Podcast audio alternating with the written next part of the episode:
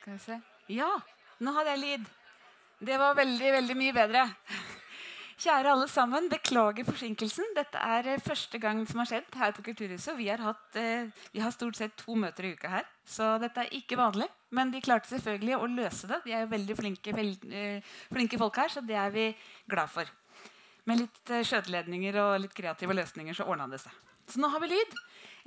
Og det er utrolig hyggelig å se dere alle sammen her i kveld. Før vi begynner, så vil jeg reklamere litt for de neste arrangementene. Vi skal ha et møte allerede på torsdag, hvor vi skal diskutere eh, klima, eh, oljeskatteregimet. Er det virkelig framtidsretta og riktig å fortsette å subsidiere massiv leteboring etter olje? Kanskje et litt retorisk spørsmål. Um, og det neste, den 6. november så kommer Dag Hessen hit sammen med Harald Eia og Nils Brenna. Jeg regner med at Noen av dere har hørt programmet som går på radio som heter 'Hvem tror du at du er?' Og Nå skal de spørre Hessen 'Hvem tror du at vi er?' For Han har nemlig skrevet en bok om mennesket. At vi egentlig er flokkdyr og ikke er så konkurranse, konkurranseindivider, som Darwin kanskje sa. Så det blir kjempegøy. Og så kommer Elin Kåss Furuseth. Jeg vet ikke helt hvorfor hun også kommer, men det blir kjempegøy. Helt sikkert. Så hun skal være med i diskusjonen. Men i dag så skal vi diskutere høyrepopulisme. Og da Marine Le Pen ikke vant og ikke ble president i Frankrike, så sa EU-presidenten at nå, nå, er populismens vekstsesong over. Nå kan vi i grunnen slappe av. Eh, Simen Ekern, forfatter, har skrevet boka 'Folket, det er meg'. Han mener at vi ikke skal slappe av. Kanskje har vi bare sett begynnelsen. Og det skal vi diskutere i dag. Hvordan er ståa egentlig for høyrepopulismen i Europa? Og har vi, hvordan skal vi håndtere den og møte den? Og til å diskutere det så skal vi ha med oss et fantastisk panel. Eh, veldig kunnskapsrike og interessante folk. Så jeg kan egentlig garantere alle at dere kommer til å være klokere når dere går hjem etter denne diskusjonen. Vi skal høre på Simen. Han er da journalist, sakprosaforfatter og ekspert på italiensk og europeisk politikk. Vi har med oss Katrine Mo Torleifsson, forsker på Universitetet i Oslo på nasjonalisme og migrasjon. Vi har med oss kollegaen min, Sylo Taraku, som er rådgiver i Agenda og også er forfatter av boken 'Innvandringsrealisme'. Og så har vi Anders Djupskås, som også kommer fra Universitetet i Oslo. Forsker på eh, han er, å, skal se hele så lang titel, Senter for ekstremismeforskning, høyreekstremisme, hatkriminalitet og politisk vold. Ja, Så dette Han kan mye. Eh, alle sammen skal først få seks minutter til å si det aller viktigste de har lyst til å si innenfor sitt felt. Eh, og så skal vi, basert på de innspillene, eh, ha en diskusjon etterpå. Den aller første som skal få lov å snakke, det er forfatteren. Og da må jeg huske å si, for det synes Simen er flaut å si selv, at det går an å kjøpe boka. Ja, der. og det anbefaler jeg, for den er veldig bra. Så først ut, vær så god, ta godt imot Simen Ekern.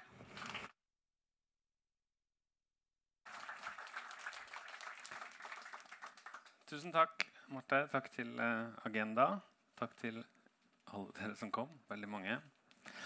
Um, jeg har også skrevet uh, en bok om dagens uh, tema, og utgangspunktet for det var en pressekonferanse for flere år siden som jeg var på i Italia, der lederen for Lega Nord, det interessante og litt pussige høyrepopulistiske partiet i Italia. Eh, lederen der, Matteo Salvini, hadde akkurat tatt over partiet, som før egentlig bare var opptatt av å løsrive seg fra resten av eh, Italia, men som nå hadde endret strategi og var mer eh, opptatt av å være mot EU og å være mot islam. Og grunnen til det viste det seg raskt på den pressekonferansen var at Matteo Salvini hadde begynt å kalle seg løpenist, fortalte han meg i, i pausen. Han syntes det var eh, et, et, godt begrep for hans politiske program. Eh, og det slo meg som veldig interessant da, at Marine Le Pen, som jo da i noen år allerede hadde, hadde ledet Nasjonal Front, eh, et av de lengstlevende ytre høyre-partiene i Europa, at hun hadde blitt ikke bare en inspirasjonskilde, men et navn på en ideologi. Da. Eller i det minste en oppskrift på hvordan man kan drive eh, høyrepopulistisk politikk i Europa eh, i dag. så det var det ene utgangspunktet. og det andre var at jeg fikk vite at europeiske høyrepopulister for første gang for omtrent et år siden eller ikke det engang, skulle samles til en stor felles konferanse i Tyskland, i en liten by som heter Koblenz. Og det var første gang eh, det tyske partiet Alternativ eh, for Tyskland skulle være med i en sånn felles europeisk koalisjon eh, som, som, har pågått på en måte lenge. Man har forsøkt å samle partiene, men nå var det en felles front som skulle eh, lanseres da, i, i.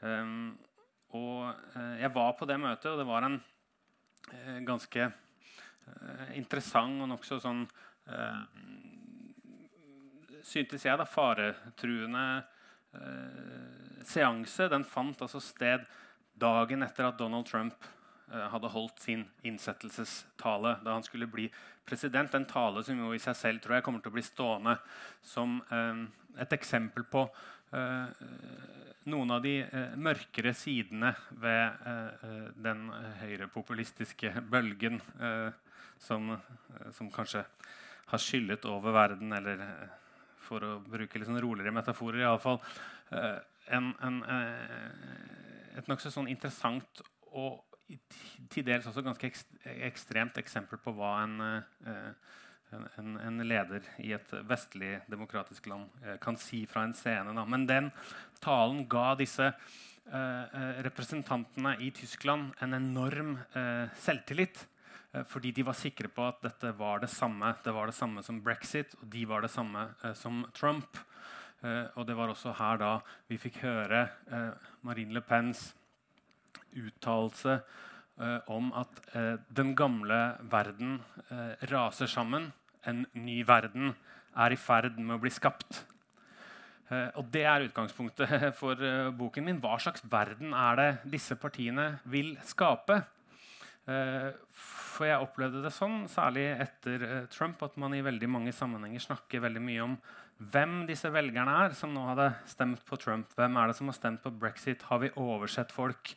Er det folk man har glemt å lytte til? Og det tror jeg nok i mange sammenhenger det er, og det tror jeg er interessante diskusjoner uh, som man er nødt til å finne ut av. Men jeg har da vært mest interessert i å se hva slags verden er det disse ideologene uh, har lyst til å skape. Så jeg har forsøkt å ta dem på alvor. Ikke bare som sånne høflige stenografer som noterer ned folks bekymringer og deretter lager et politisk program ut av det, men som ideologer, som aktører med ganske bestemte planer for hva slags samfunn de drømmer om.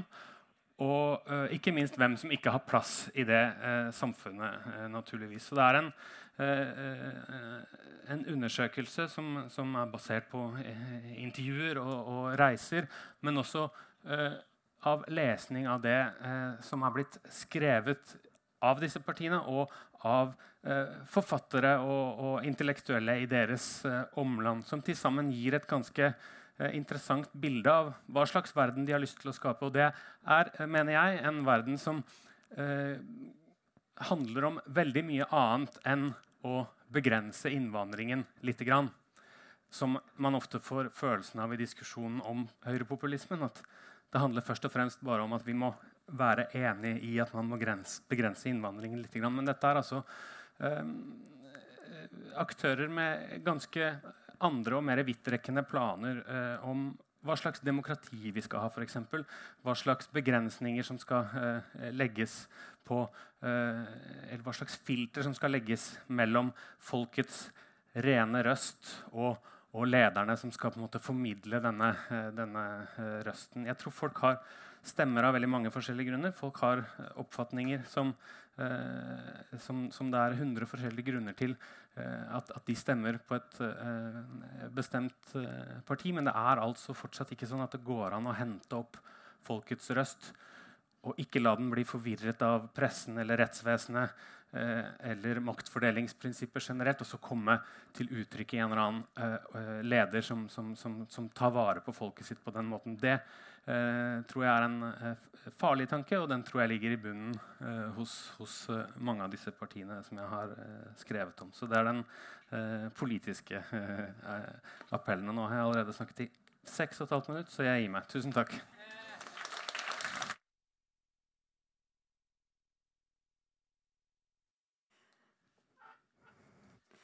Takk til Simen, og ta vel imot Katrine Torleifsson.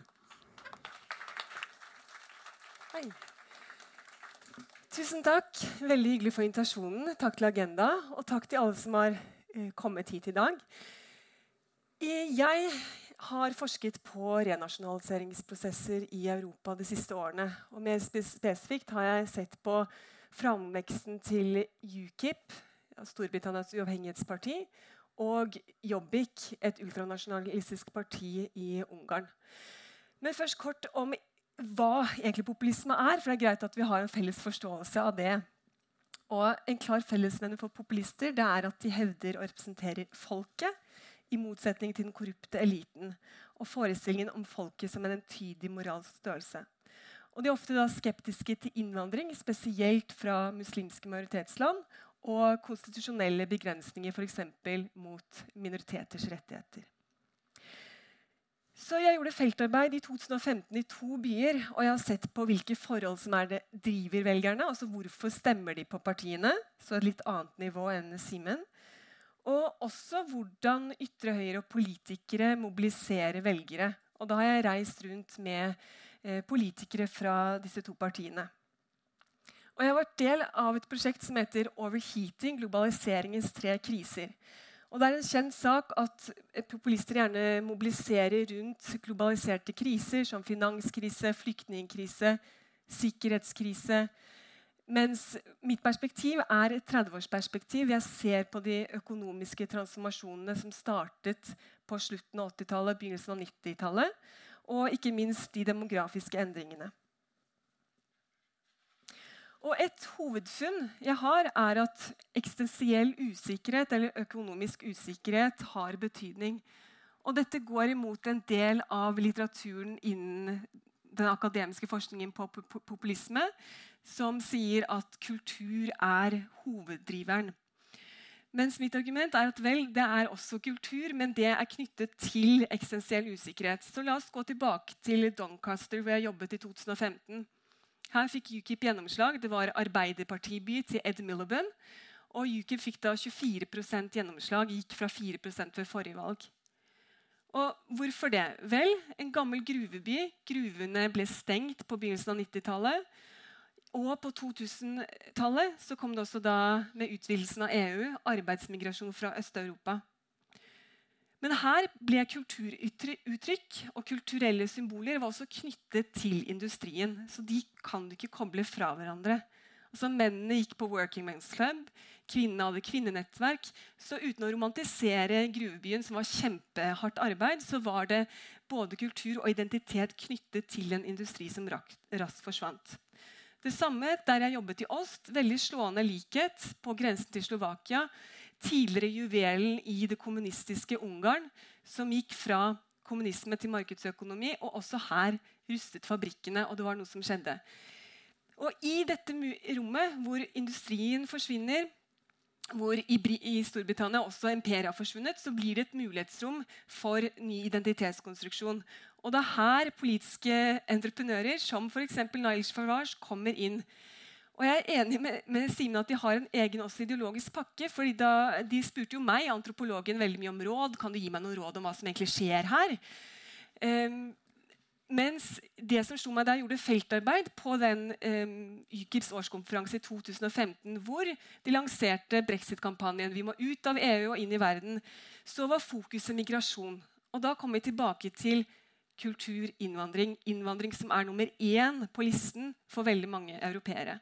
Så de tok rett og slett disse lokale bekymringene rundt reproduksjon, framtidsangst, vil mine barn og barnebarn få en bedre liv, og oversatte det til en til tider avhumaniserende fryktpolitikk.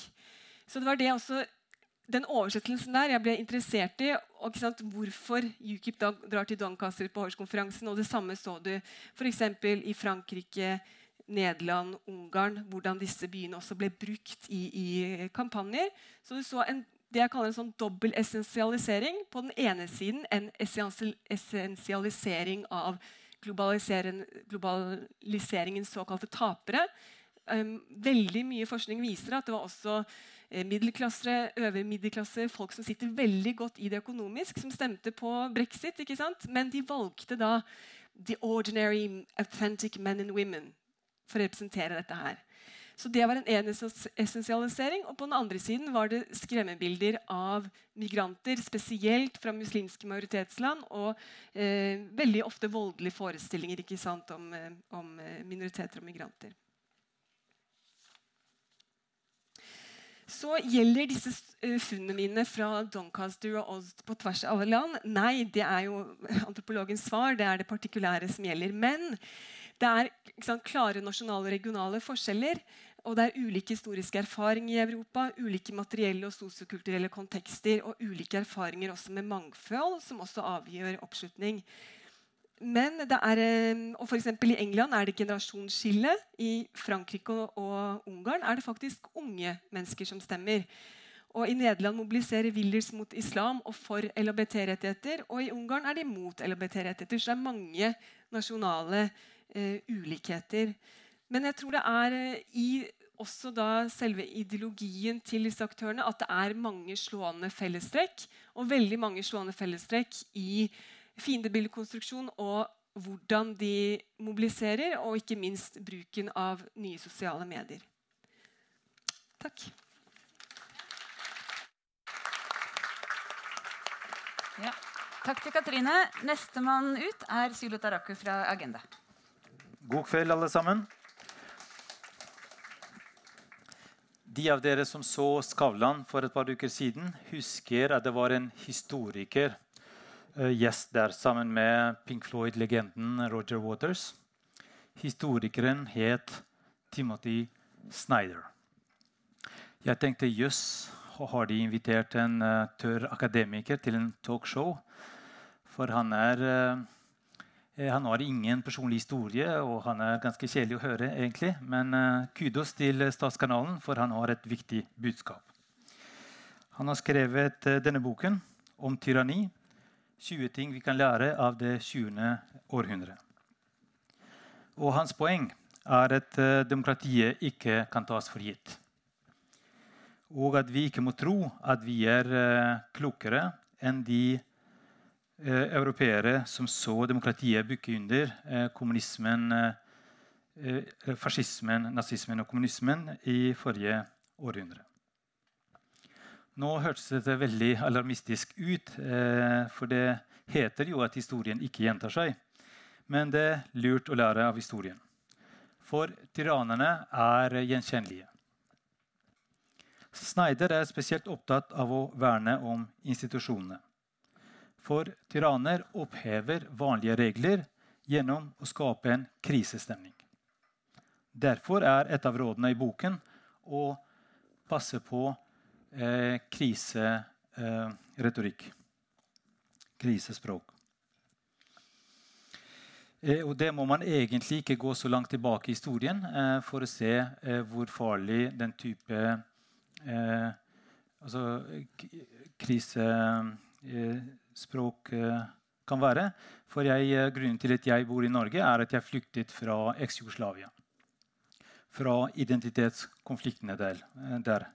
Det var nasjonalistiske krefter som skapte frykt og brukte en fryktretorikk eh, som gjorde at eh, overgangen fra kommunisme til demokrati gikk eh, veldig blodig for seg eh, på 90-tallet. Så jeg har alltid vært misunnelig på Polen, Tsjekkoslovakia og Ungarn. Hvordan de klarte denne overgangen på fredelig vis. Og spesielt Tsjekkoslovakia, som også klarte å skille seg. altså De klarte sin skilsmisse på, uten uten problemer. Eh, men eh, nå eh, Og alle disse fire Visegrad-landene har også gjennomgått en vellykket transisjonsprosess til liberal demokrati, mye takket være EU-integreringen. Men nå ser vi noen urovekkende tendenser i spesielt Polen og og Ungarn. Jeg har eh, skrevet eh, noen artikler om det i Agenda Magasin. Senest i dag har jeg en eh, artikkel om Polen. Så i motsetning til Simen så er jeg ikke så sjenert til å reklamere om mine skriverier. det som er spesielt med disse to landene, er at høyrepopulister er faktisk i maktposisjon. Og de bruker makten de har fått. De bruker den til å undergrave domstolens uavhengighet og pressens frihet. Hvorfor er høyrepopulister eh, hvorfor har de problemer med domstoler og medier? Jo, fordi populisme kan forstås som en politikk som er basert på folkets allmenne vilje. Den logiske konsekvensen er at, det, at alt må politiseres. Hvordan? Jo, når folks reelle representanter kommer til makten, slik de oppfatter seg selv, så kan ikke andre bestemme eller stå i veien. For dommerne er ikke valgt. Da tenker de hvorfor skal noen få mennesker som ikke er valgt, ha så mye makt over viktige ting for landet? Eh, og da løsningen blir eh, å gjøre, altså, å redusere denne makten gjennom grunnlovsendringer eller gjennom å installere egne folk der. Mediene oppleves også som forstyrrende. Ikke bare fordi de er kritiske, men også fordi de filtrerer den kommunikasjonen mellom folket og deres representanter.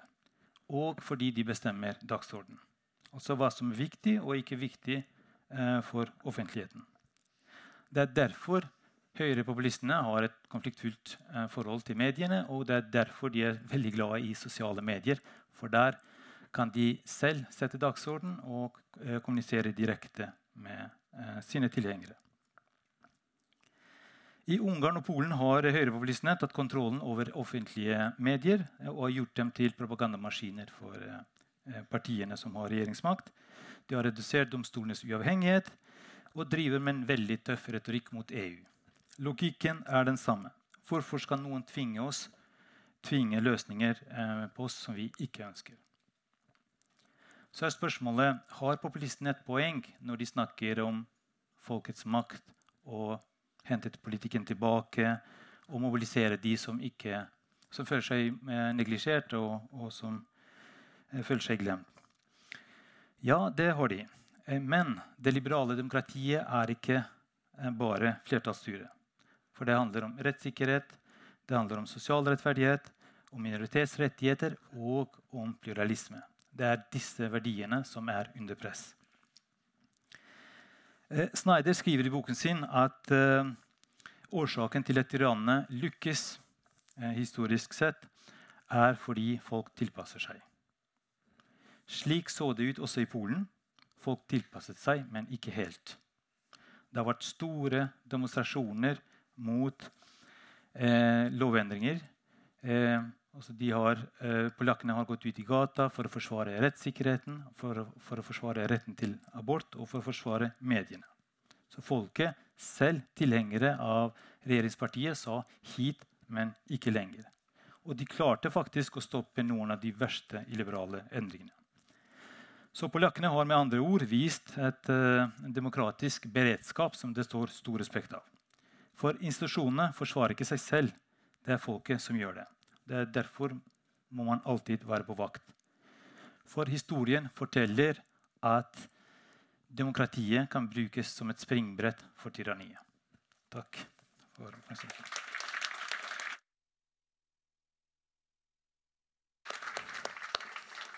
Tusen takk, Silo. Da er det sistemann ut. Anders Gipskås, vær så god. Ta godt imot Anders. Takk for det. Takk for invitasjonen. Takk for interessante innledninger. Jeg Det bare kribler i å komme i gang med diskusjonen etter hvert, så jeg skal prøve å være kort. Det har litt et merkelig skue å, å følge eh, den offentlige debatten om populisme de siste årene.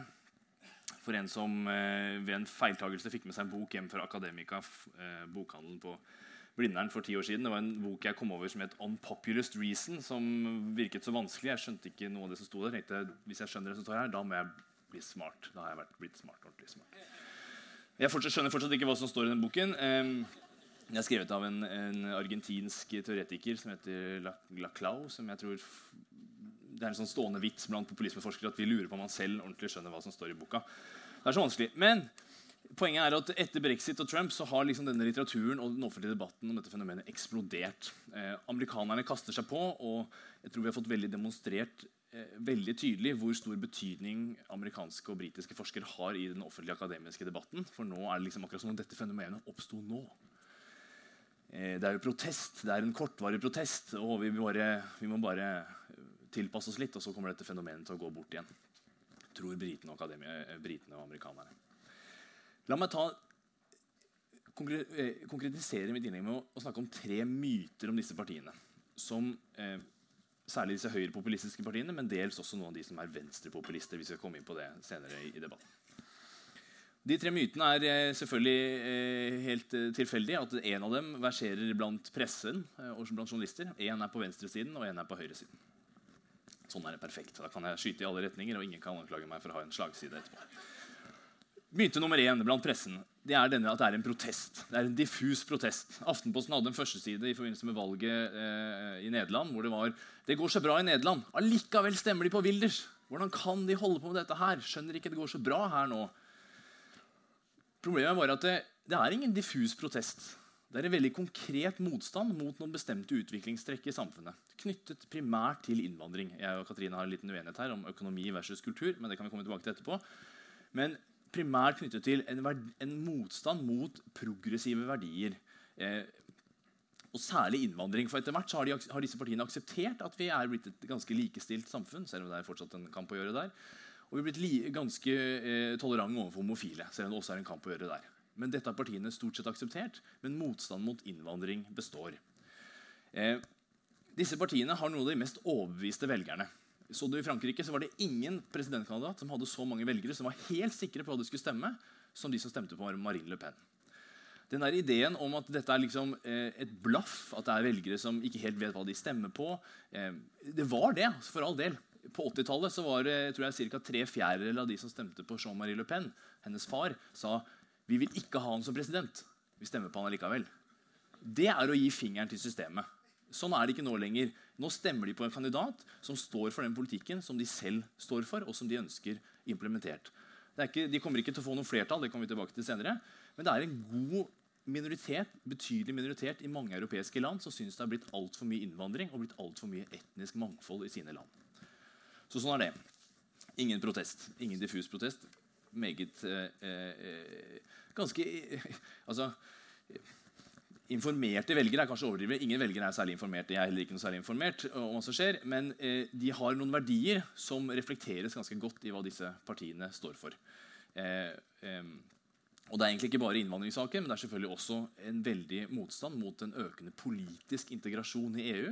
Partiene var ikke mot EU opprinnelig når EU dreide seg om et økonomisk samarbeid. At Europa skulle stå sterkt økonomisk i møte med enten USA eller Kina eller andre fremvoksende økonomier, det har ikke populisten noen problemer med i det hele tatt. Det de har problemer med, er denne følelsen av at suvereniteten forvitrer, og at beslutninger tas i Brussel, og at de ikke blir tatt med og hørt eh, på laget. Ingen protest. Myte nummer to det er da en, en, en, myte som er oppsummert av denne kampanjemedarbeideren til Bill Clinton. It's the economy stupid. Tanken om at dette dreier seg om økonomi, og at det er finanskrisen som er liksom den store, stygge ulven. Og at eh, folk mobiliserer dette gamle bildet om Weimar-republikken er på vei tilbake. Det er masse arbeidsløshet, nå går det virkelig til helvete. Og da flokker velgerne seg om disse karismatiske lederne som lurer dem til å tro på det fremmedfiendtlige budskapet. Problemet er bare det at partiene var store lenge før finanskrisen. De gikk ned i mange land i forbindelse med finanskrisen. Hvis det var noen populister som vokste på finanskrisen, så var det i Sør-Europa. Hvor landet var hardt rammet av økonomisk eh, krise. Hellas, eh, med Syriza, Spania med Podemos. Eh, og mange av de landene som har strammet alle sammen, Irland, Portugal, andre land, fikk ikke noe sånt parti i det hele tatt. Det var de landene som var minst rammet av krisen, men som dels var livredd for at de da skulle som Timo Soini sa i Finland, skulle betale for late grekeres bank-restaurantregninger. Eh, men altså det, var en, det, var igjen en, en, en slags fordom mot den late søreuropeeren og denne underforståtte liksom, fremmedfrykten og, om, og eh, fordommene, stereotypiene, som var det drivende kraften, ikke eh, noen økonomisk krise. Velgerne deres bryr seg ikke om økonomi i det hele tatt. De er helt delt på spørsmålet. så det er veldig vanskelig for partiene å fronte en økonomisk politikk. Spør du Dansk Folkepartis medlemmer eller FRB for den saks skyld, om de skal skattelegge de rike hardere, så er de helt uenige. Mange, som, mange medlemmer som mener skal skattelegge de rike hardere. Tror du noen i Høyre vil skattelegge de rike hardere? Nei. Tror du noen i det konservative Folkepartiet i Danmark vil skattelegge de rike hardere? Nei. De vet de skal ikke skattlegge seg selv. Så mye har de skjønt. De er de rike. De skal ikke ha noe skattlegging av de rike. FrPs eh, velgere, medlemmer og velgere derimot, ganske mange som syns at de godt kan skattlegge de rike litt hardere. Og Vi ser det til og med nå i Norge nå, hvor det begynner å bli diskusjon om hvordan skattelettene skal se ut. Hvor Frp er kritisk til at skattelettene går til de som har mye fra før, mens Frp gjerne vil ha skattelette, men skal gå til noen andre folk. Men uansett, de er ganske uenige om økonomisk politikk innad i partiene. De er også helt uenige seg imellom. UKIP og Frp er langt til høyre. Front Nasjonal er langt til venstre. Dette er ikke den saken som forener disse partiene på tvers av land. Og det samme er det med grønne partier. Noen grønne partier samarbeider gjerne til høyresiden, andre til venstresiden. Det er ikke det som gjør dem til grønne partier. Det som gjør dem til grønne partier, er den økologiske grunnholdningen. Og da kan økonomi kan variere fra sak til sak. Så økonomi er av mindre betydning. Da skal jeg gi Katrine litt uh, for at jeg, jeg ikke, Selvfølgelig spiller økonomi en rolle noen steder. Og i rustbeltet i USA selvfølgelig spilte økonomi en rolle der. Og selvfølgelig spiller økonomien en rolle også i Frankrike i, på grensa opp mot Belgia, hvor det er liksom industridød. definitivt. Men det er ikke økonomien som driver Front Nasjonal støtte i Sør-Frankrike. Og det er ikke økonomien som driver Dansk Folkepartis rimelig well off. altså De er ikke så fattige folk i det hele tatt. De har det ganske greit. Så I beste fall så er de livredde for at de skal bli enda fattigere. da. Men det blir sånn, Man desperat prøver å redde hypotesen. Det må være økonomi! Er sånn, men er det økonomi som forklarer Kristelig Folkeparti i Norge? Nei, det er kristendom. Det er noe annet. Så noen ganger må akseptere at politikk ikke bare handler om økonomiske motsetninger, men faktisk knyttes til andre konfliktlinjer i samfunnet. Senterpartiet også. Sentrum-periferi. Det er ikke bare økonomi. Myte nummer tre på høyresiden. Villdyret kan temmes. Bare ta dem inn, gi dem litt makt, så roer de seg ned. Nei. De klarer, dette er også en myte basert på hva som skjedde med for Frihetspartiet i Østerrike. De ble tatt inn. De gikk til helvete. De var dårlig forberedt. Det har vært noen andre eksempler List Pim for Town i Nederland det var et veldig vellykket parti i Nederland på tidlig 2000-tallet. Partilederen ble drept i valgkampen. Det er ikke rart de gikk til helvete når de skulle inn i regjering. De hadde ikke noen leder. Det er egentlig en tragisk historie. Det er ikke meningen å stå og snakke, gjøre et morsomt poeng, men poenget er at disse partiene har i noen tidlig fase så har de dummet seg ut. De har lovt altfor mye. Landsbygdpartiet i Finland på 1980-tallet sa at de skulle halvere arbeidsledigheten i løpet av seks måneder. Det gikk ikke. Partiet ble halvert isteden. Så liksom, Det finnes sånne eksempler, men den store historien er at Lega Nord i Italia, Sveitsisk Folkeparti i Sveits, Frp i Norge, Dansk Folkeparti i Danmark de klarer seg veldig bra. De får makt og innflytelse, og velgerne deres er ikke misfornøyde. i hele tatt. Vi har gjort en undersøkelse i Norge. FrPs medlemmer er akkurat like fornøyd, faktisk litt mer fornøyd med hva den blå-blå regjeringen har fått til, enn det Høyres medlemmer er. De er ikke misfornøyd tatt. De skjønner at de ikke kan få full gjennomslag for bompenger, at du får fjerne de over natta, eller at handlingsreglene skal endres, eller at grensene skal stenges. Dette velgerne er ikke, de, er ikke helt, liksom, de har ikke noen idé om at uh, Frp har tatt over hele Norge. og at nå er det bare å gjennomføre all politikken. De, er, de, skjønner at politikk er langsomt, at det handler om å vinne én og én kamp. Og at det handler om å dyrke som Jensen sier, dyrke sine seire og, og underkommunisere sine tap. Det var det SV ikke skjønte. Så eh, eh, partiene taper ikke særlig oppslutning når de får makt. Eh, og så vet jeg noen kanskje kommer til å snakke om Sandfinnen i Finland, men det er greit. Det fins noen eksempler fortsatt på at man dummer seg ut og ikke klarer det. Taper ikke noe særlig makt. De får gjennomført ganske mye politikk, selv om det også regjerer mellom land. og det kan vi komme tilbake til senere. Eh, men, og det er heller ingen tegn til ideologisk moderasjon når de får makt. Det som skjer er at De taper en del kamper innad i en regjering, som alle partier gjør. og disse partiene er nesten alltid juniorpartier innenfor en stor, stor, større koalisjoner. Så de er altså det minste partiet, og da taper du flest kamper. Men det betyr jo ikke at du har endret ideologien din av den grunn. Og Partiene kommer da enda sterkere tilbake stort sett, og klarer å bygge opp oppslutning selv om de eh, har fått eh, ansvar. og tar ansvar. Så Det er altså tre myter. Det er ikke protest, det, ikke noe, det handler ikke primært om økonomi, og det er ingen tegn til moderasjon når de får makt. Da kan eh, dere gjerne invitere hele gjengen opp. Sett dere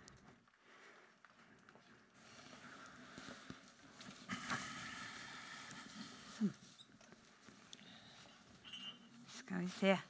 Velkommen, alle sammen.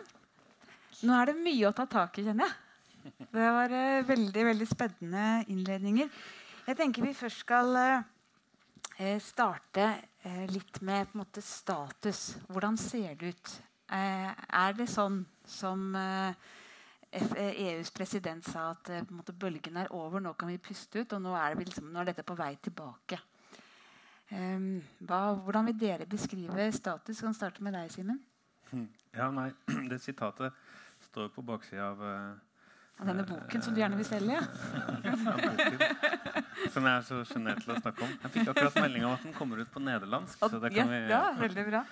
Men eh, nei, og, og, og poenget der eh, var jo det at, eh, at jeg tror det er ganske åpenbart litt av de grunnene som, som eh, Djupskås var inne på også, at dette er jo ikke noe som dukket opp i forgårs. Og det kommer heller ikke til å bli borte i overmorgen, eh, nettopp fordi at eh, som jeg snakket om, at dette handler om eh, partier med bestemte eh, anskuelser av hvordan verden skal, skal eh, se ut, da, som, som har ganske lange eh, røtter. Um, og så har vi jo sett, eh, mm, både i Tyskland og i Østerrike og, og, og ikke minst i sentral og lenger øst i Europa, at eh, biter av dette i høyeste grad er, eh, er eh, veldig i live. Og, og antageligvis kanskje kommer til å prege både avisene og valgkampene enda mer til neste år enn det det gjorde i år. Vi får se hva som skjer i Italia f.eks.,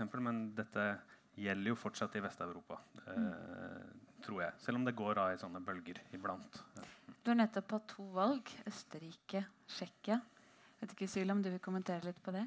Ja, Også I 2016 eh, skapte høyrepopulismen sjokkbølger med, med Trump og brexit. I 2017 så, så tapte de valgene i Frankrike og, og Nederland. Men eh, nå, de siste valgene, så, så, så er de tilbake igjen. i Tyskland med alternativ for, for eh, Tyskland, som, eh, som ble eh, det tredje største partiet i Tyskland. Eh, og bare for å korrigere litt, eh, Anders eh, for eh, Ja, er mange er gamle partier som har gått litt opp og ned. Men vi ser også hvordan helt nye partier dukker opp og gjør et veldig godt valg og endrer det politiske landskapet. Alternativ for Tyskland opprettet i 2003 som anti-euro-parti. Så dukker migrasjonskrisen, og så er de over tunet og tenker ok, dette kan vi bruke for å få makt. Så blir de plutselig et anti-innvandringsparti eh, og oppnår eh, suksess med det. Så nå er de det tredje største partiet. Eh, og så eh, har vi en sterk høyredreining i Østerrike, eh, hvor også FPO eh, gjør et godt valg, men hvor det, altså høyrepartiet der har tilpasset seg, og, og sosialdemokratene har mistet mye der. Og senest denne helgen i Tsjekkia hvor de hadde en eh, sosialdemokratisk statsminister. Men der fikk vi også en stor transformasjon av det politiske systemet. Med to populistiske partier, ANO, som også ble opprettet i 2013 eh, av en eh, mangemilliardær, eh, av en oligark. eh, Som nå blir statsminister, eh, som er veldig anti-innvandring og anti-EU. Og så er det en halvjapaner, halv japaner, tsjekker, Tomio Okamura, som er nesten like ekstrem, om ikke verre, enn Herd Wilders. Så, mm, så det blir spennende å se hvordan eh, utviklingen eh, går fremover. Neste år så er det det svenske valget som er eh, mest spennende. Da, og da, da får vi se om Sverigedemokraterna blir nest størst eller størst. eh, der. Det vil være en, en sjokk for Europa, det òg. Det er eh, helt klart, men jeg tror liksom panelet er enig i at det er ikke noe sånn at dette går over i morgen. Nei, jeg ser det sånn. Eh, Jeg ga dere en liten oppgave eh, før vi skulle møtes, og det var å nevne de tre viktigste årsakene til at det, denne politiske bevegelsen nå er på frammarsj. Så jeg tenkte jeg skulle kan starte med deg, Anders.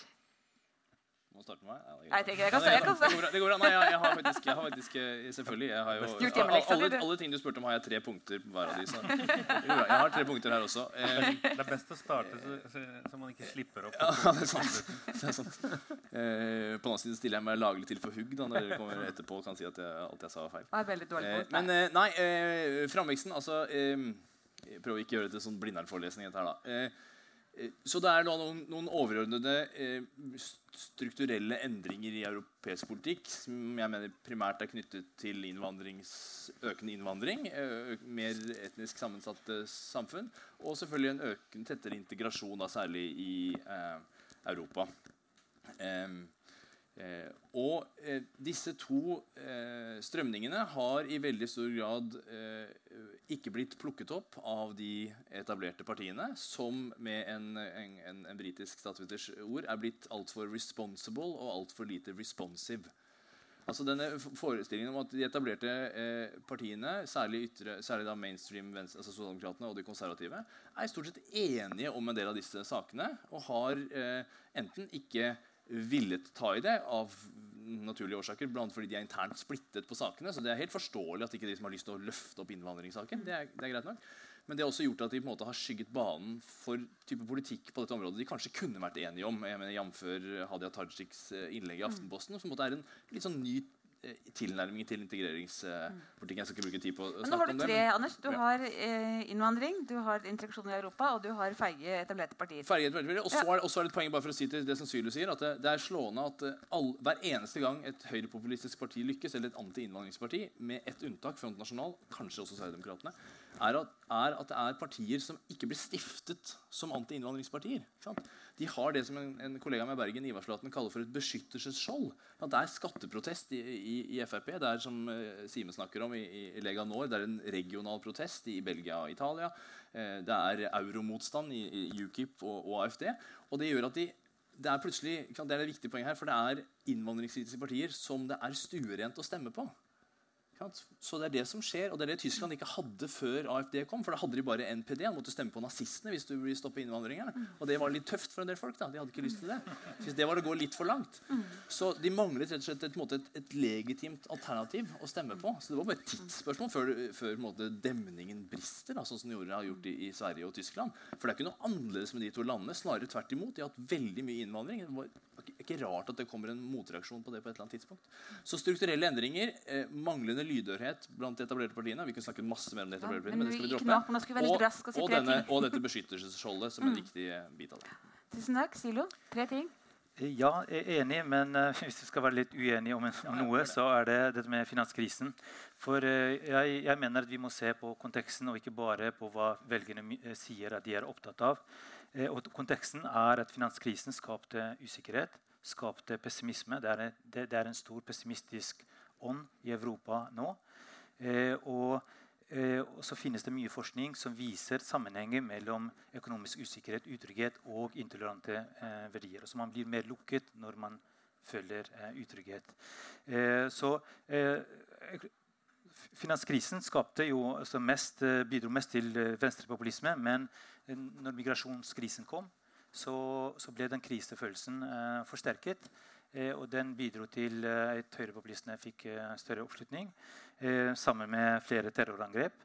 Eh, men så er det også dette med også forholdet til EU, integrasjonsprosessen. At mange føler at, de, at både avstanden til politikere har økt.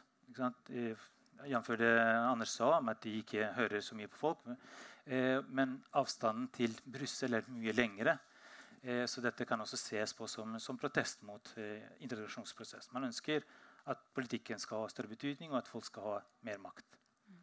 Skal du da, Katrine? Ja, eh, jeg går tilbake til introduksjonen. Eksistensiell usikkerhet og fremtidsangst. Men ikke eksistensiell usikkerhet i en snever økonomisk forstand.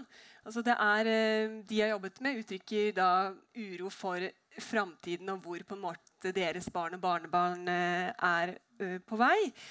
Eh, men ser du f.eks. i Tyskland og AFD-velgerne, som jo Det er veldig lav arbeidsledighet i Tyskland, mm. men da ser du at de har stor oppslutning i Øst-Tyskland, i Saksen og Mecklenburg-Vorpommern. Og der er det jo også mennesker som har opplevd store endringer i sitt liv, fra kommunisme til eh, markedsliberalisme. Og egentlig synes at det er nok endringer for denne gang, og er veldig da mot f.eks. økt eh, migrasjon fra ikke-europeiske land. Så jeg har en bred definisjon av mm. eksistensiell usikkerhet.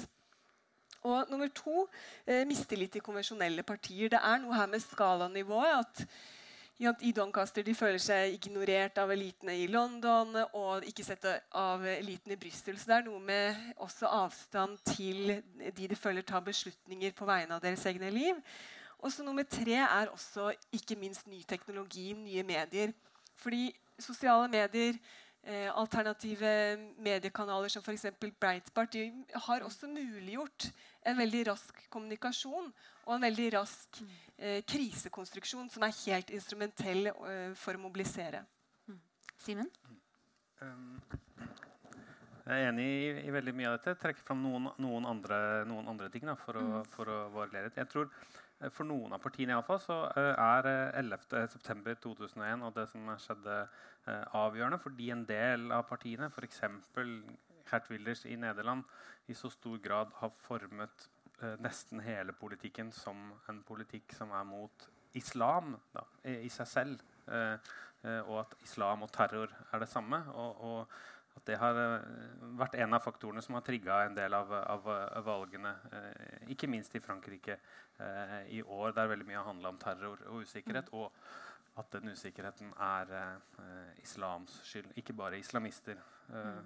For Wilders sin del. Så tror jeg også at jeg er litt enig i finanskrisa, iallfall hvis man ser um, ja, Hvis man ser til Frankrike, er, er, det ganske åpenbart. Men kanskje også litt i den første liksom, eh, samlingen mellom Wilders og, og Marine Le Pen eh, for eh, noen år siden, der man knytter finanskrisen til EU som system og ser liksom, den økonomiske eh, nedgangen som et resultat av det europeiske samarbeidet. og som som derfor har blitt en sånn triggerfaktor som har gjort at, at, en del oppfatninger som man har hatt tidligere, har fått mye mer sånn større fart og kraft. Da, tror jeg. Så, så, jeg tror også at økonomi må være med på en eller annen måte, om ikke som liksom startfaktoren, men som et eller annet mm. som setter, setter, ting i gang, og som kan brukes på andre vis. Og det tredje punktet er da det som liksom er hovedtesen i boka mi. Det handler om det ideologisk politiske arbeidet som disse eh, bevegelsene har eh, drevet med, i en tid der mange oppfatter at eh, store partier eh, sier eh, det samme, at det er begrensa hva politikken kan få til, fordi det er så mange strukturer utenfor som legger føringer for hva slags ting som kan gjennomføres, så er disse partiene blant de få som sier at politikk er mulig. Vi kan mm. stenge grensene, vi kan utvise muslimene. Vi kan eh, gjøre en hel masse ting eh, hvis vi får eh, muligheten til det. Eh, sånn at det stemmer at de etablerte partiene har vært eh, liksom for forsiktige. Kanskje de ikke har lyttet nok. Eh, kanskje har de ikke snakket nok om innvandring. Men jeg tror egentlig i enda større grad også at det handler om at de andre partiene har glemt at de må ha noen eh, positive utopier og visjoner om hva slags samfunn de vil skape. da. Man har ikke snakket nok om hva slags verden vi vil ha, og hva slags verden velgerne kan få hvis man stemmer eh, på dere. Jeg skjønner f.eks. ikke hvorfor Arbeiderpartiet ikke har laget et enormt eh, grønt prosjekt der man skal endre hele den norske industrien til å bli eh, Europas aller fremste eh, grønne energieksportør. Og så få med hele landet på det. Det kunne blitt noe sånn Lillehammer-OL-aktig over det. Sikker på at det hadde, eh, hadde funka. I stedet så sitter man og lurer på skal vi si at eh, høyrepopulistene har litt rett eller mye rett, eller kanskje ikke rett. Eh, og så surrer man seg bort i, i, en del sånne ting som åpenbart altså, tre, tre, trenger jo avgjørelser, og man trenger jo å, å, å, forholde seg til det. Men man kan ikke bare være partier som reagerer på andre partiers utspill og så setter sånn skala vurdering om det var bra eller ikke bra, eller litt farlig eller ufarlig eller, eller riktig. eller sant. Man er nødt til å bidra med noe sjøl, og det har eh, mange partier glemt. Og det har disse bevegelsene tjent på, tror jeg. Noen fra Arbeiderpartiet som noterer dette. Jeg synes det, det, var. Men, uh, men, til det, for det syns, det syns jeg var veldig spennende. For det er klart at debatten har vært veldig mye om velgerne. Hva motiverer dem? Hvorfor, hvorfor, stemmer de på disse partiene? Men, men, vi har kanskje glemt litt hva disse partiene egentlig vil og er. Eh, og I din forskning, Katrine, hva er, hva er ditt inntrykk? Hva, de, hva, slags samfunn er det de tilbyr? Ja. Vi, hvor skal de ta oss? Det er jo tilbake til den suverene nasjonalstaten med kontroll over eh, grenser, men også veldig et, ofte etnisk definert nasjonal identitet, som, hvor du drar grenser veldig tydelig til minoriteter og migranter. Og det er spesielt synlig i, i Ungarn. Og Der har jo også staten mange kampanjer som nettopp spiller på gamle ekskluderingsmekanismer. ikke sant? Med eh, George Soros skal ikke få ha den siste latteren osv. Så, videre. så det er en del da, åpenbare gamle former for eh, hat, antisemittisme, antisiganisme, som får eh, ny relevans. Men det de også vil ha, er jo en, stolt, en stolthet, en stolt identitet eh, knyttet til, um, ja, til, sitt land.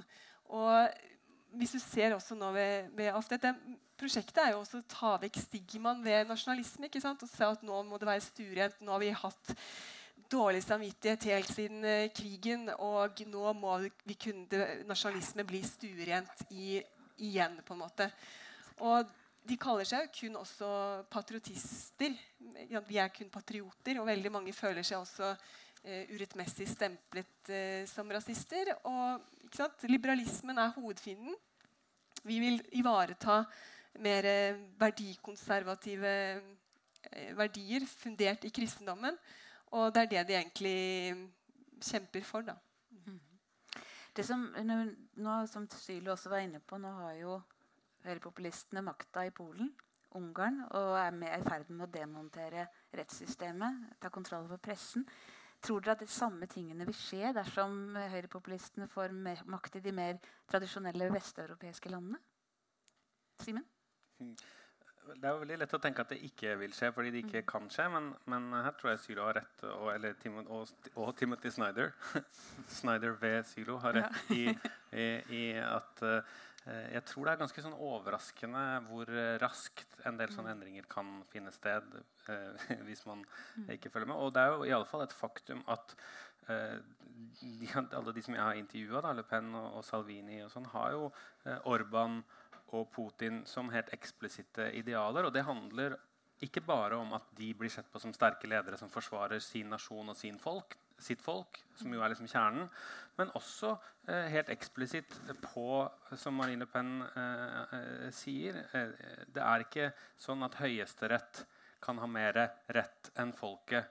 Altså denne ideen om at rettsvesenet er en slags sånn fremmedlegeme som, mm. Eh, som, som skurrer til folkets egentlige røst. Og dette snakker de jo iallfall om.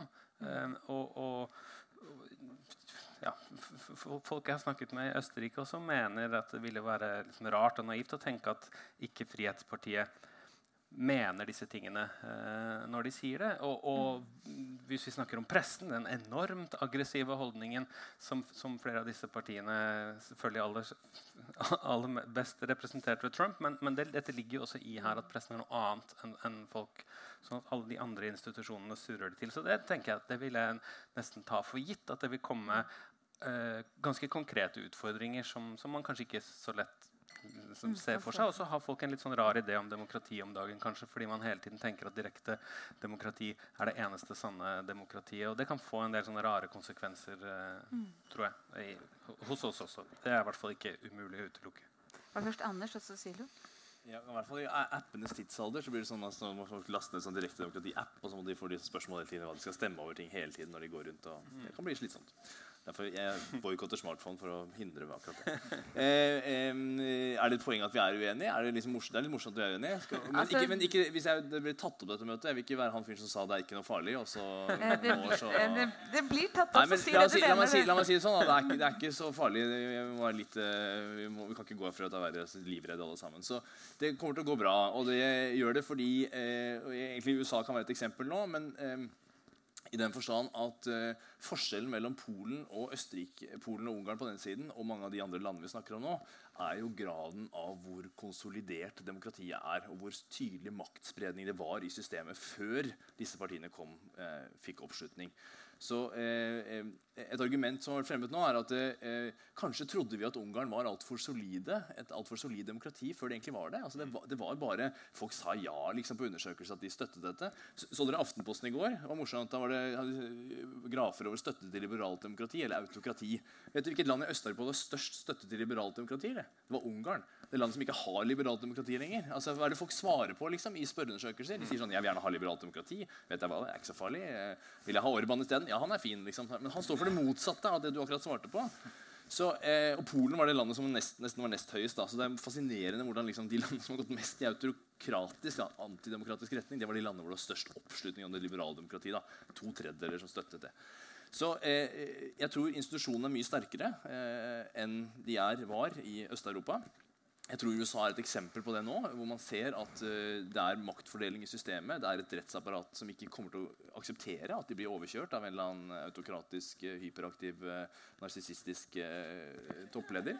Eh, og, og, det tror jeg kommer til å skje også i det øyeblikket Marie, Hvis Marine Le Pen skulle blitt president, så kommer det til å være fortsatt så mye i andre institusjoner i samfunnet som har så mye agg mot henne. Og hun kommer ikke til å få gjennomført politikken sin uten den type alliansebygging. Jeg mener på sikt, altså jeg vil ikke være han fyren som liksom klart, Hvis de sitter lenge, og sånn, så det er tendenser også innenfor mer etablerte demokratier at de sakte, men sikkert kan prøve å undergrave. Men, eh, men eh, ja, jeg er litt mer optimistisk enn en Simen. Litt. Ja. Litt. Silo?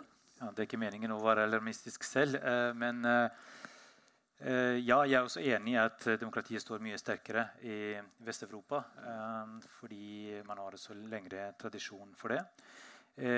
Men det som, og at populismen egentlig kan ha også noen positive sider eh, ved at man mobiliserer en del folk som kanskje ikke har stemt fra før. Eh, og at eh, høyrepopulistene også kan fungere som et korrektiv mot elitene. At man kan vekke dem litt og eh, bli interessert i hva, hva, som rører seg eh, der ute. Og, og, bli bedre til å kommunisere. Eh, men det jeg tror er det største problemet, er kanskje at vi får en økt polarisering. At det blir at debatten som tradisjonelt har handlet veldig mye om økonomi, om skatt og graden av privatisering, og sånt, der man kunne lett inngå kompromisser, eh, blir en debatt som handler om identitet og verdier, hvor, hvor kompromissene er mye vanskeligere, hvor debatten er mye mer verdiladet, og at det kan oppstå en, polarisering slik vi har sett i USA. Det er det jeg frykter mest. Mm. Og eh, veldig, veldig eh, på en måte at, at, vi får en delt offentlighet også. At eh, Eh, nå leser liksom alle de samme avisene og ser på de samme TV-kanalene, men at vi kan få at polarisering eh, fører til at folk ser på ulike TV-er og får ulike virkelighetsforståelser. Mm. Katrine? Ja, Hvis vi ser på valgene det siste året, så har jo kulturarv og nasjonal identitet stått veldig høyt på programmet. Og egentlig kulturarv, da kan du putte inn veldig mye forskjellig. Eh, men likevel har det en utrolig mobiliserende effekt, for det spiller nettopp på dette om renhet og røtter og hvem som tilhører og hvem som ikke tilhører. Så det er en, også en bevisst mobiliseringsstrategi. Mm. Du har sett litt på det i forhold til Norge også, Simen? Mm. Den, uh...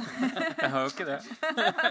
Nei, Du hadde bare litt, du mente at det var noe, det var noe likhetstrekk ja. i den norske debatten om kultur og brunost ja. og kuer? og sånn? Jeg, jeg, har, eh, jeg, har, prøvd å se veldig lite på Norge, men jeg har, eh, jeg har jo blitt spurt om det i mm. intervjuer. Og det har intervjuene handlet om etterpå.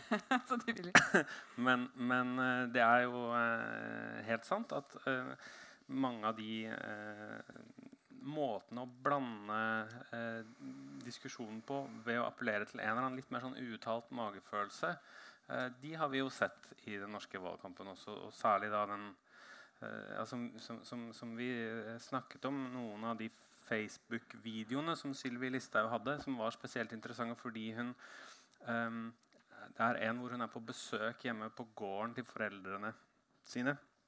Og så snakker liksom uh, Listhaugs voiceover om problemene ved at uh, innvandrere ikke kan norsk, mens kamera glir over kyra på, uh, på, gården. Uh, så det er Budskapet er jo på en måte at den norske, liksom, norske gårdsdriften, mm. naturen og sånn er truet av noe. Mm. Men det vi snakker om, er eh, manglende eh, norskkunnskaper for, for, eh, blant innvandrere.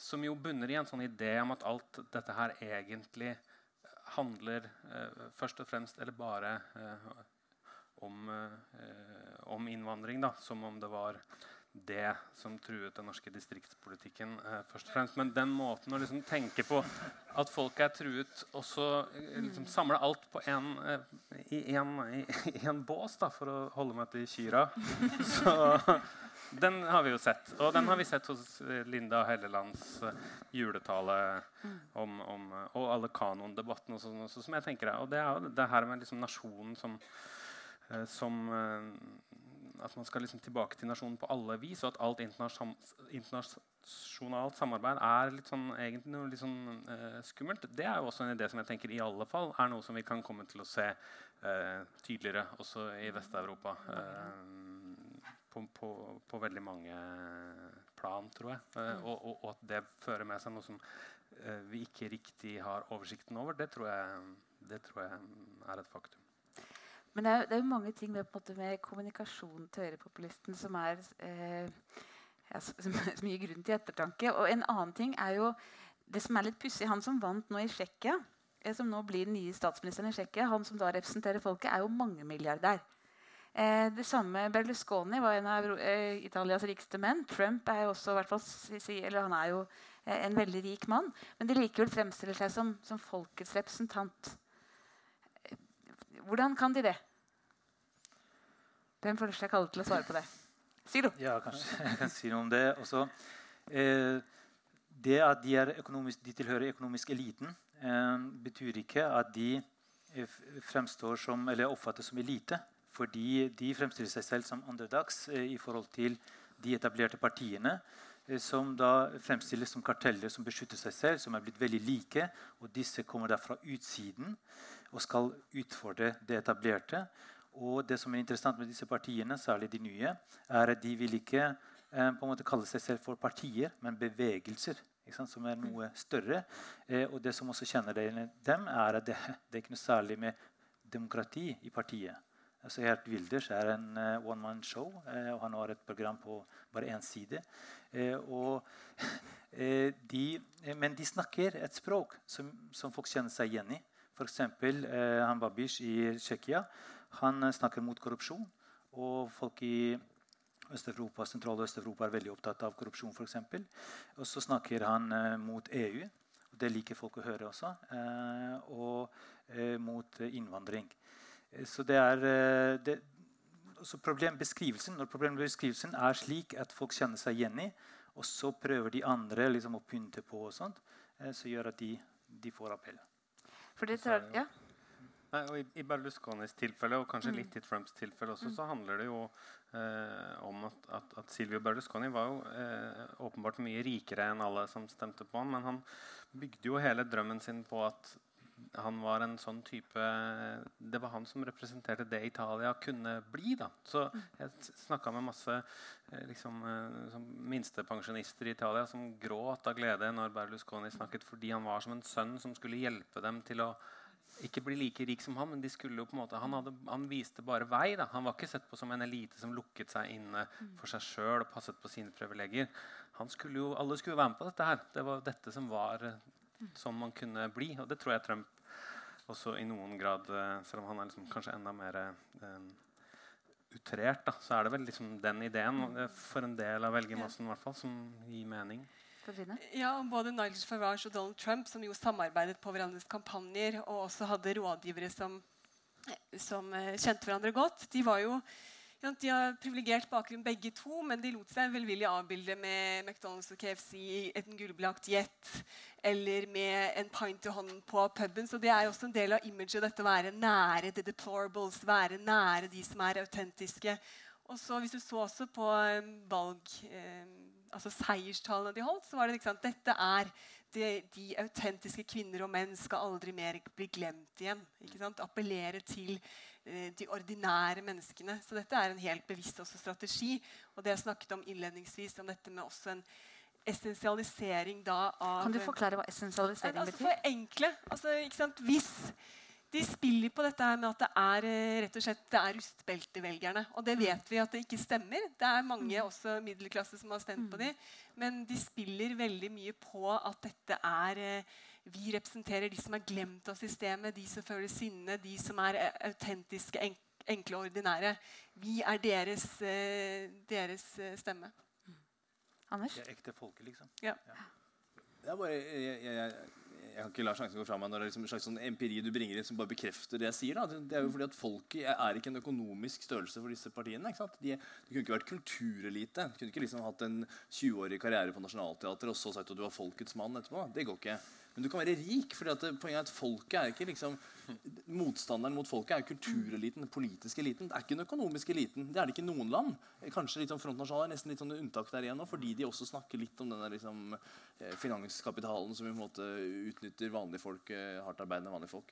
Men generelt sett er det er jo helt borte fra hele retorikken til disse partiene. Da må du igjen til disse protestpartiene fra venstre for å finne folk som snakker ordentlig om, om de nylige. Eh, tidligere sosialistlederen i Nederland sa at, eh, at uh, Nederland ble styrt av nyliberale ayatollaer. Ja, det, det, er, kul venstrepopulistisk retorikk. Ja. Men det er, det er, ikke noen høyrepopulister snakker ikke om det. Vi må forresten komme bare tilbake til dette, er morsomt, de, Disse partiene fremstiller seg som bevegelser, og, og, de er nære folk. Det sier ganske mye om de andre etablerte partiene. Det at, liksom, det, at, du kan vinne poeng på å liksom si at du er en bevegelse, det betyr bare at de andre etablerte partiene har sluttet å snakke om å være bevegelse for lenge, lenge siden. Og vi kan komme tilbake til dette på motstrategier. Tida flytter. Eh, kan vi ta, siden vi starta litt seint, kan vi ta ti minutter til? Ja, da gjør vi det. Eh, Simen? Jo, nei, jeg tror det er riktig, og det er interessant. Også en del av populistlederne når de snakker om finanskapitalen, så snakker de jo gjerne om finanskapitalen i andre land, sånn som Viktor Urban uh, gjør. Mens, mens, han har et helt team av veldig rike ungarske forretningsfolk rundt seg, som ganske åpenbart beriker seg selv og partiet eh, eh, sammen i lag, men de er jo ikke unasjonale. Ja, Hjemlige kapitalister er snille. Ikke sant? Ja, men eh, vi er som sagt, jeg er egentlig over tida, men jeg, vi kan ikke slutte før dere har sagt hva, vi skal gjøre med dette. For det er klart at eh, vi kan, vi kan, le litt av det og tulle litt med det, men det er, det er, jo ganske alvorlige ting vi snakker om. Det er ganske alvorlig det som skjer i Polen, og det er skummelt det som skjedde i, i Tsjekkia i går. Så, så hva vi, de som da ønsker det liberale demokratiet, hva, hvordan skal man møte dette på en mest mulig effektiv måte? Simen? Skal jeg begynne? Ja. jeg, jeg, jeg, jeg, leste en bok av en bulgarsk intellektuell her, som jeg pleier å gjøre på Simen er ikke lite i det hele tatt. det, som, som, vi alle gjør. Så, men han skriver noe fint som er litt interessant når det kommer fra, fra fra et land som Bulgaria. Men han sier det er ikke hva ekstremistene sier som truer Europa. Den virkelige trusselen er hva mainstream-politikerne ikke lenger sier. Um, uh, og Hans eksempel er at diversitet er bra for Europa. Og, og, og det, han er nokså sånn kritisk til liksom, åpne grenser og problematisere ganske grundig liksom, innvandringens problemer. Men at diversitet, altså forskjellighet i seg selv, er en grunnleggende europeisk verdi. Og at det ikke går an å snakke om at vi skal forsvare eller tilbake til noe bra. eller sånn, Hvis vi ikke husker på det, da, mener han. Uh, og Det syns jeg er et godt poeng. Og, og, og, det andre poenget, og det mener jeg med dette, liksom, dette vanvittige grønne uh, For jeg skjønner ikke hvorfor, hvorfor ikke store uh, etablerte partier lar liksom, små grønne partier være, være de eneste som snakker om mm Eh, klimaendringene. Ikke minst når vi snakker om flyktninger og, og, og migrasjon. Er det noe som kommer til å skje. Hvis ikke vi gjør noe med det, så er det i alle fall at det kommer til å komme flere innvandrere eh, og flyktninger rundt omkring eh, i verden. Så, men et eller annet sånt stort prosjekt. da. Alle, vi må liksom bruke alle ingeniørkrefter til å gjøre noe helt nytt og noe helt annet.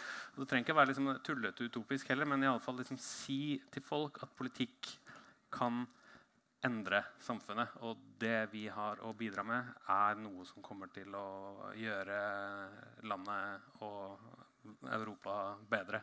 Og det gjorde Macron på en måte. da. Det var jo litt det han gjorde. Og så gjorde han også en ting til. Det var å si eh, når han skulle argumentere mot Marine Le Pen, så sa han ikke Han gikk jo veldig langt i å ikke si sånn Du har kanskje litt rett. eller sånn. Han mm. sa hun er min eh, motstander.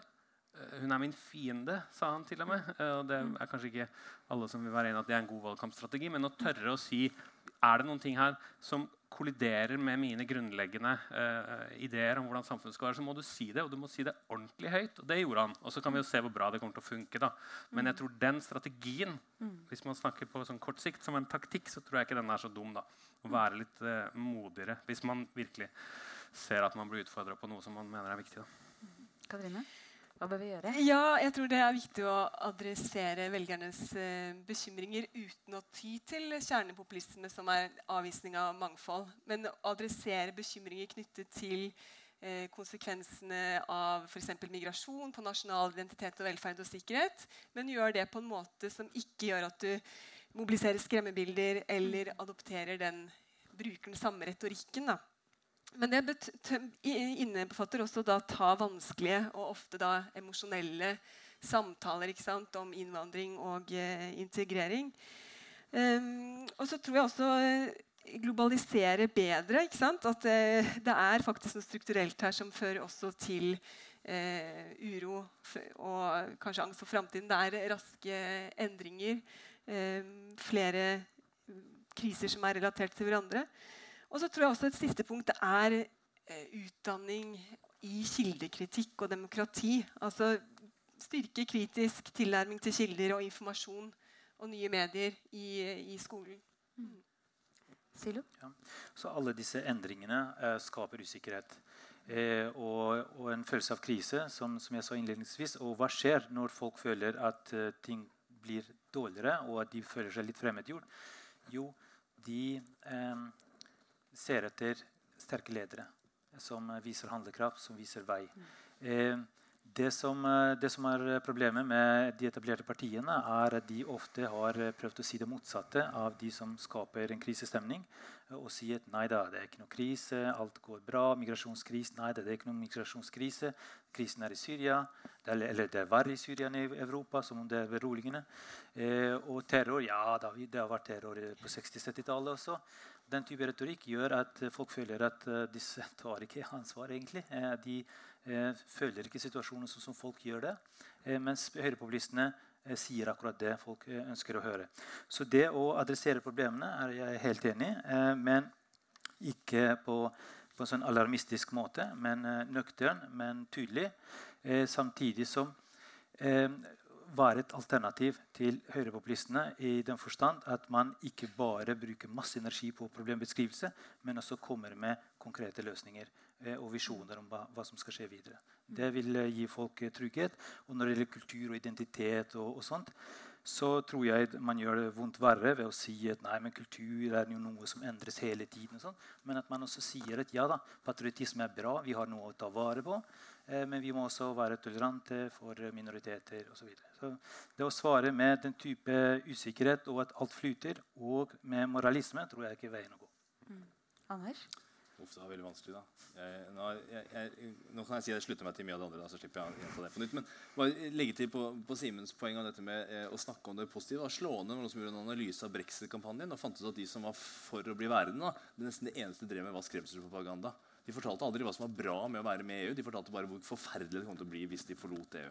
Og det er et bra eksempel også på at man totalt feilvurderer da, og undervurderer betydningen av å fremstille en positiv visjon da, som man kan mobilisere bak, istedenfor at man bare skal stemme for at man syns alternativet er enda verre. Men la meg si, eh, eh, eh, bare under, under headingen en slags mer demokrati eh, Eh, tydelige alternativer. Eh, jeg tror sånne storkoalisjoner mellom sosialdemokrater og, og, og, og liberalkonservative eller konservative partier i Europa er en katastrofe for, for eh, politiseringen av økonomiske forskjeller i, i mange land. Særlig liksom, i lys av økende ulikhet og, økonomisk krise. Så er det jo på en måte at de to si, hovedmotstanderne i politikken går til sengs med hverandre. Det er som å be om bråk, da, for å si det på folkelig vis. Eh, sosial representasjon altså, eh, det er mer spesifikt på sosialdemokratiske partier, som jo er blitt gjennomakademisert. Eh, de, de, skal ha posisjoner for alle mulige grupper. Eh, også de som, ikke de som ikke har gruppetilhørighet, om det er enten av kvinner, homofile eller andre. Så er det da eh, tatt over av bare akademikere. Det er bare folk med mastergrad som, som, står på listene på toppen av sosialdemokratiske partier. Og da klarer du ikke å appellere til de folka som syns at det er tåkeprat når du snakker med Blindern-aksent. for å si det sånn. Um, og så tror jeg at, at uh, en undervurdert uh, Jeg vet ikke helt hva som er konsekvensen av men jeg bare avslutte med en sånn interessant, interessant observasjon. Altså, uh, mange av de partiene her er opptatt av strengere straffer. Det som en del kriminologer har vist, er jo at folk tror at straffenivået er mye mildere enn det egentlig er. Så når de får høre om hvor strengt det egentlig er, så tenker de at kanskje det ikke var så ille likevel. Og så i tillegg til det, så er det sånn at Når vanlige folk er med og skal ta liksom, avgjørelser hvor strenge straffer andre folk som har forbrutt, gjort annet ulovlig, skal få, så er jo de mye mildere enn fagdommerne. Så det er en eller annen interessant paradoks at folk tror straffenivået er mildere enn det er. Og når de først får muligheten til å dømme folk strengt, så dømmer de mildere. Så, liksom, så kanskje det å faktisk inkludere folk mer i en del sånne prosesser, beslutningsprosesser, alt fra budsjettprosesser, som har vært en sak for grønne partier i mange europeiske land, men liksom det der deltakende budsjettering, det å liksom tro på at demokrati apropos, ikke bare er direkte demokrati, for lov til å stemme ja eller nei, men være med i prosessen, tror jeg er helt avgjørende for at uh, man skal redusere den politiske mistilliten som har vokst frem i mange europeiske land. Tusen takk til panelet. Jeg var veldig spent på denne diskusjonen. men jeg, jeg, kjenner at jeg både, Vi har både blitt klokere, men også egentlig ganske motivert på å gå ut og ordne opp i dette. Så jeg håper dere også ble det. Tusen takk for at dere kom, og tusen takk til dere.